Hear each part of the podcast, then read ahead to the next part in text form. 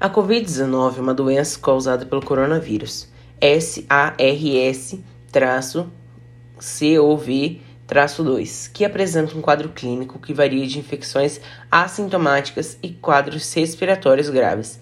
De acordo com a OMS, a maioria dos pacientes com Covid-19, cerca de 80%, podem ser assintomáticos e cerca de 20% dos casos podem requerer atendimento hospitalar por apresentarem dificuldade respiratória e desses casos, aproximadamente 5% podem necessitar de suporte pelo tratamento de insuficiência respiratória, suporte ventilatório.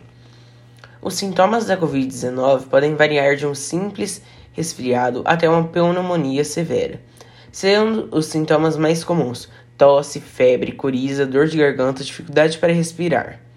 Como é transmitido? A transmissão acontece de uma pessoa doente para outra ou por contato próximo por meio de toque, de aperto de mão, gotículas de saliva, espirro, tosse, catarro, objetos ou superfícies contaminadas, como celulares, mesas, maçanetas, brinquedos, teclado de computador e etc.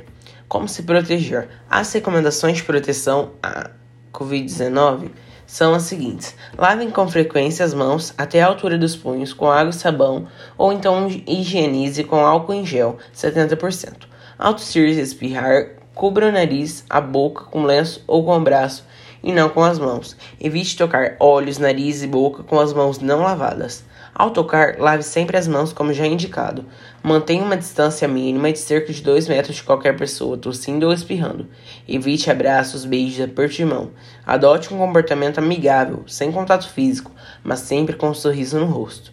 Higienize com frequência o celular e os brinquedos das crianças. Não compartilhe objetos de uso pessoal, como talheres, toalhas, pratos e copos. Mantenha os ambientes limpos e bem ventilados. Evite circulação desnecessária nas ruas, estádio, teatros, shopping, shows, cinemas e igreja. Se puder, fique em casa.